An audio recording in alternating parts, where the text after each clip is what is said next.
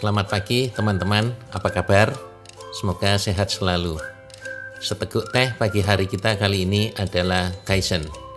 Kaizen adalah filosofi Jepang yang berfokus pada perbaikan terus-menerus. Hari ini lebih baik dari kemarin, besok lebih baik dari hari ini. Ini persis identitas semangat podcast ini, yaitu be better, menjadi lebih baik.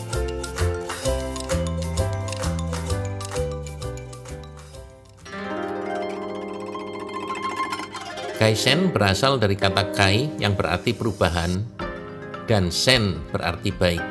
Jadi filosofi ini berfokus pada proses perbaikan yang dilakukan terus-menerus. Awalnya banyak dipakai di industri manufaktur. Salah satu perusahaan paling terkenal yang menggunakan Kaizen adalah Toyota.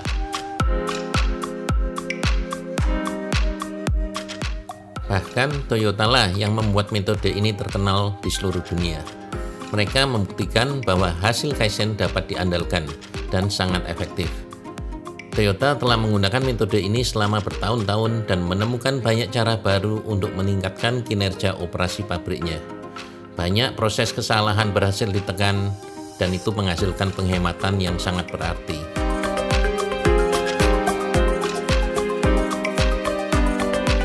Proses Kaizen itu sendiri meyakini bahwa tidak ada proses yang sempurna, selalu ada ruang untuk perbaikan.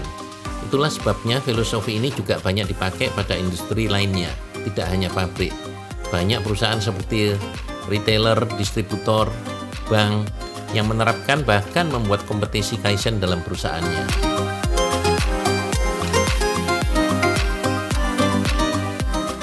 Dalam setiap pekerjaan di kantor biasanya ada dua hal yang harus dilakukan. Pertama, maintenance atau mengerjakan pekerjaan rutin sehari-hari atau mempertahankan standar dan level kondisi kerja yang sudah ada. Ini yang biasanya teman-teman audit berusaha mencari apakah ada penyimpangan. Yang kedua, melakukan perbaikan dan perubahan terhadap pekerjaan rutin agar pekerjaan menjadi lebih ringan, lebih mudah, lebih cepat, lebih efisien, dan tentu lebih menguntungkan.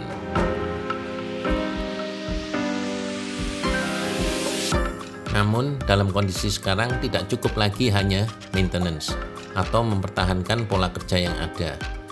Maka perusahaan tersebut akan tertinggal dalam kompetisi dengan perusahaan lain. Saat itulah Kaizen dibutuhkan.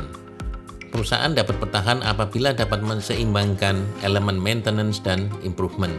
Kalau dalam pembahasan tentang mutu, yang satu adalah quality assurance, yang satu lagi quality improvement. Ada satu contoh menarik dari sebuah buku Kaizen. Honda Corporation memiliki unit usaha permainan Boom Boom Car. Permainan ini seru dan menyenangkan karena bisa membenturkan atau menabrakkan sesama mobil. Karena begitu sering tabrakan dan benturan yang terjadi, maka baut mobil sering lepas atau copot. Ini membuat repot teknisi karena baut-baut lepas yang ditemukan harus dipasangkan balik ke bodi mobil. Bagaimana menemukan mobil mana yang copot bautnya? Satu-satunya cara, si teknisi harus membalikkan semua mobil kemudian dicek satu persatu. Terbayang susah dan lamanya proses menemukan mobil yang tanpa baut itu ya. Untung budaya Kaizen sudah diterapkan. Dan masalah itu dijadikan topik Kaizen di antara para teknisi tersebut. Singkatnya, setelah dikaisenkan, setiap mobil diputuskan dicat dengan warna yang berbeda. Semua baut juga dicat sesuai dengan warna mobilnya.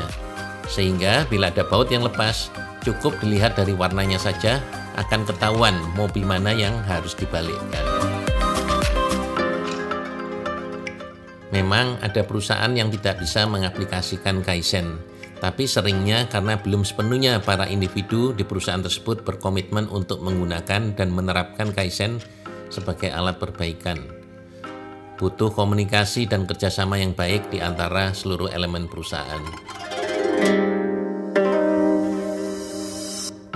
Sebelum menjalankan Kaizen, semua elemen di perusahaan harus mengubah pola pikirnya, harus kuat melekat di pikiran mereka, bahwa tidak ada cara atau metode kerja yang permanen sepanjang hidup perusahaan.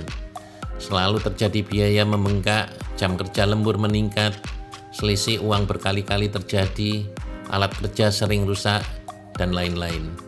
Jadi, budaya untuk menjadi lebih baik harus tertanam lewat Kaizen ini. Kaizen punya banyak alat bantu dalam melakukan improvement di tempat kerja. Ada yang namanya 5S, ada yang namanya 3M, 5S itu Seiri, Seito, Seiso, Seiketsu, Shitsuke. Itu bahasa Jepang. Dalam bahasa Indonesia nya dijadikan 5R, yaitu ringkas, rapi, resik, rawat, rajin. Yang 3M dalam bahasa Jepang adalah mudah, murah, dan muri. Mudah artinya pemborosan, murah berarti tidak merata, dan muri berarti beban yang berlebihan. Kalau semua itu sudah dijalankan, jangan lupa perlu review juga, perlu kontrol. Jalankan PDCA. PDCA itu Plan, Do, Check, Action. Jadi kalau mau cari topik buat di Kaizen kan gampang. Cari tahu energi atau biaya atau waktu yang paling banyak terbuang atau unit yang paling banyak ruginya. Bahkan karena ini proses improvement yang terus-menerus berjalan, tidak perlu dipedulikan bahwa yang dikaisenkan adalah hal yang kecil atau sederhana.